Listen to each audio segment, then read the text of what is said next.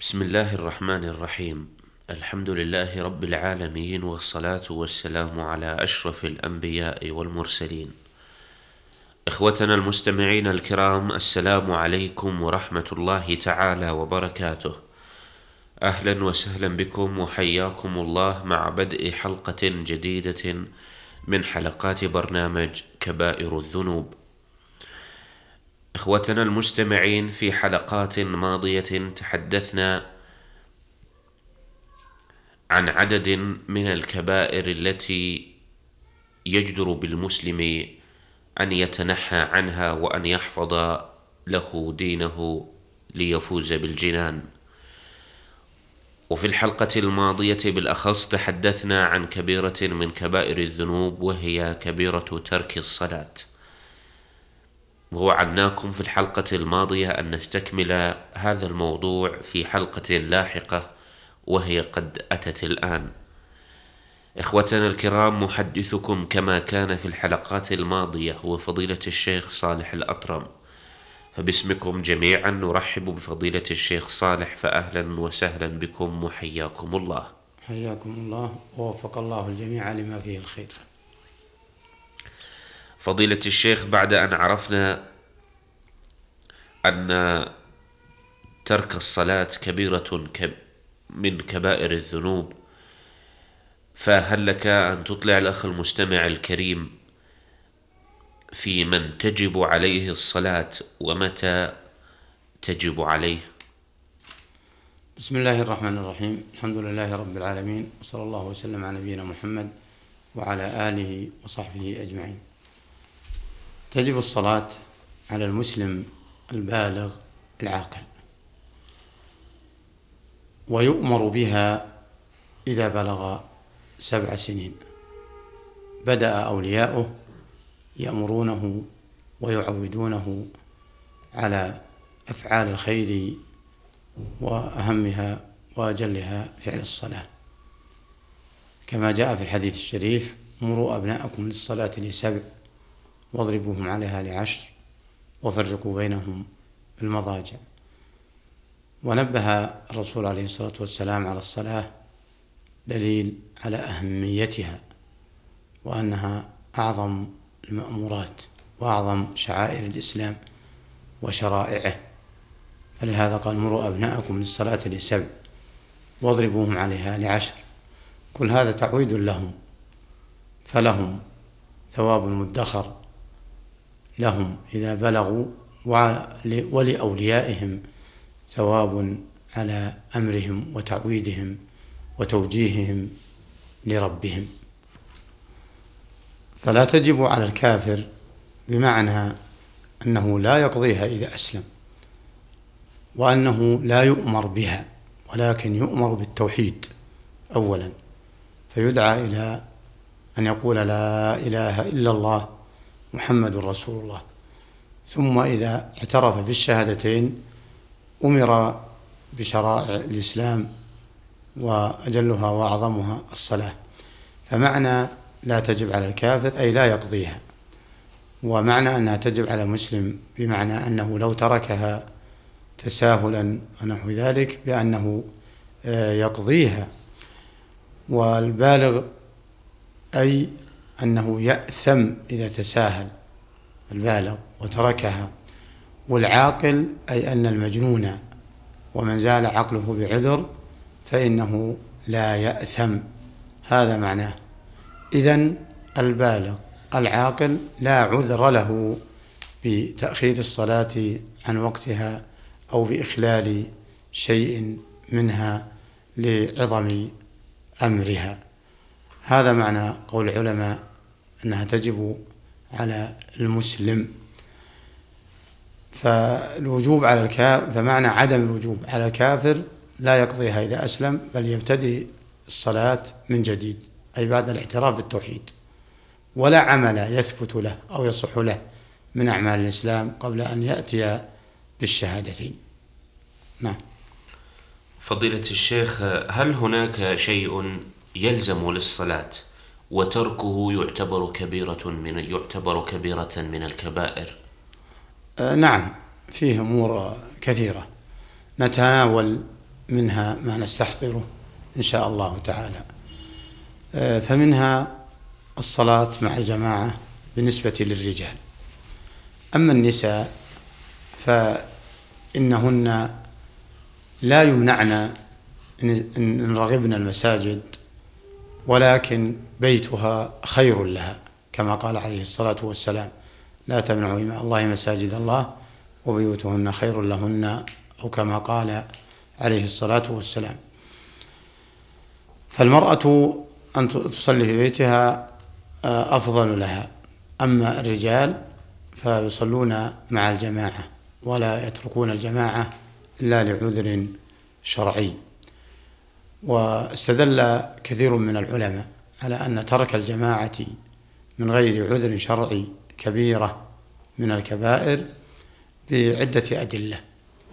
منها قوله تعالى يوم يكشف عن ساق ويدعون إلى السجود فلا يستطيعون خاشعة أبصارهم ترهقهم ذلة وقد كانوا يدعون إلى السجود وهم سالمون فقالوا يدعون أي بالأذان. فلم يجيبوا بل تركوا الجماعة من غير عذر شرعي فصارت لهم هذه العقوبة يوم القيامة.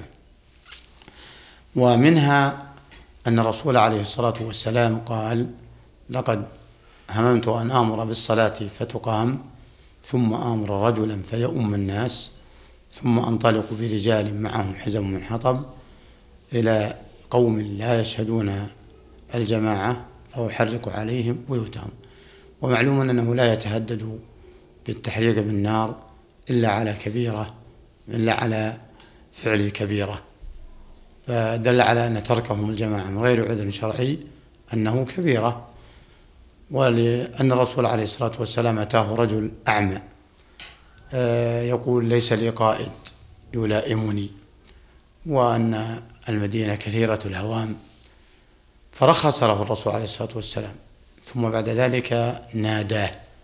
قال هل تسمع النداء؟ قال نعم. قال إذا فأجب. فدل على أنها واجبة. ومن ترك واجبا فقد ارتكب كبيرة من الكبائر. والصلاة مع الجماعة آه، لها شأن عظيم. فلهذا جاء الحديث في الوعيد الشديد في إطلاق اللعنة على من سمع الندى ولم يجب. ولا يطلق الرسول عليه الصلاة والسلام اللعنة إلا على فعل آه، كبيرة. فلا يصح للرجل المسلم أن يترك الصلاة مع الجماعة من غير آه، عذر شرعي. ومعلوم أن الصلوات يتفاوت فضلها فكذلك آه، يتفاوت أجرها أو أجر أدائها مع الجماعة فبعضها أعظم من بعض.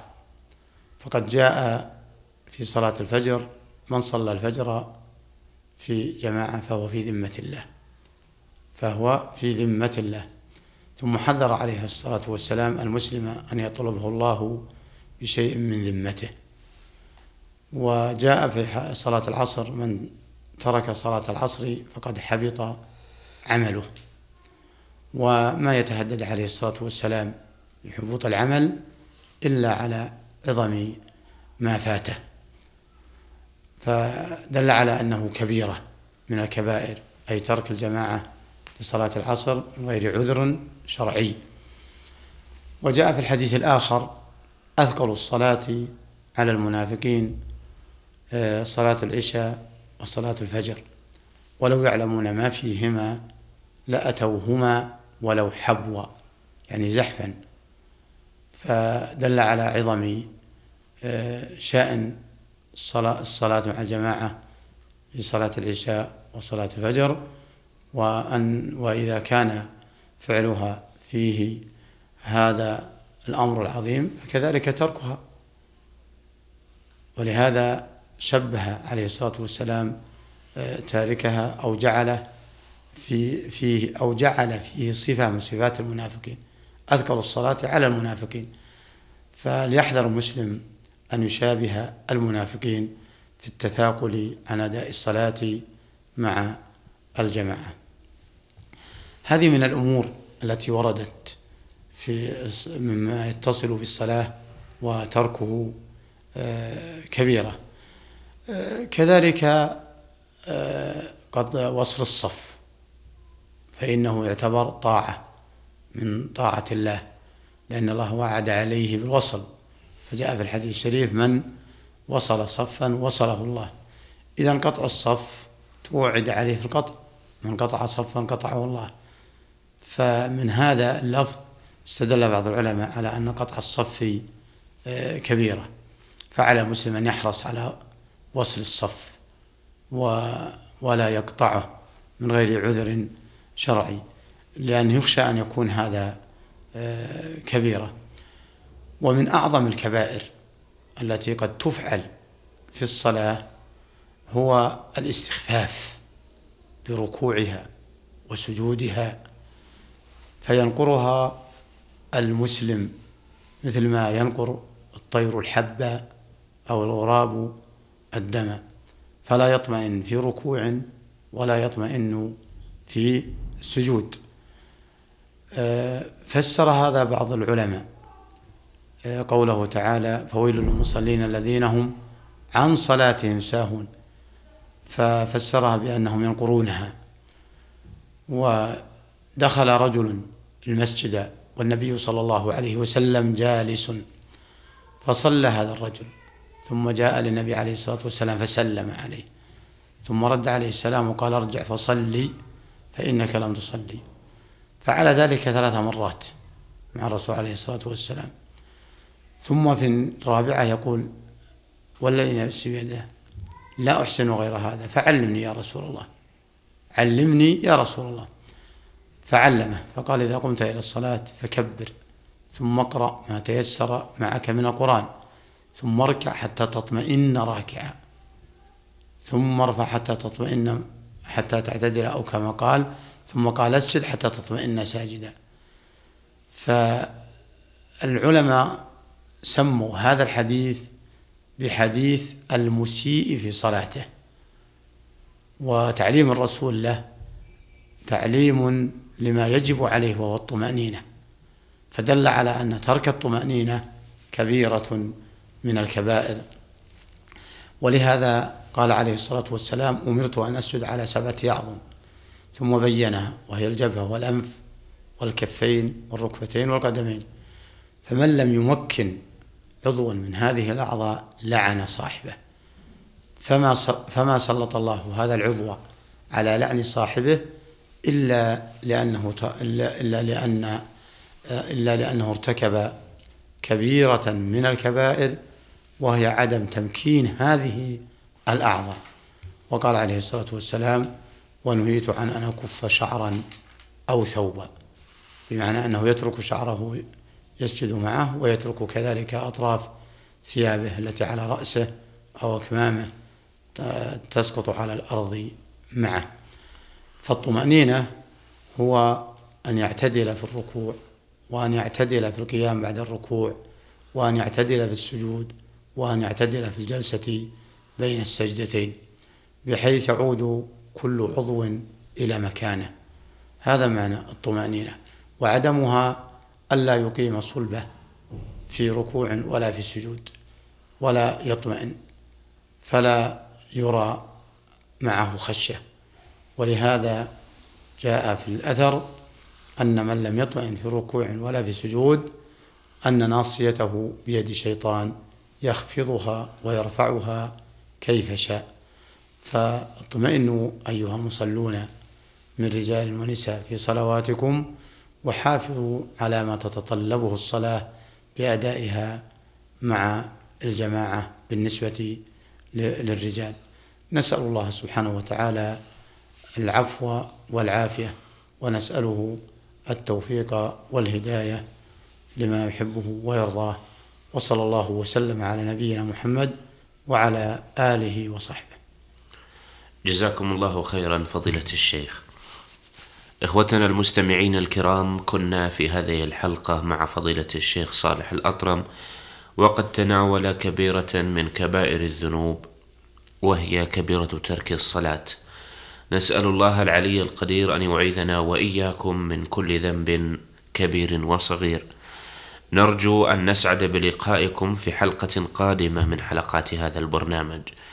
نستودعكم الله وإلى اللقاء. والسلام عليكم ورحمة الله تعالى وبركاته.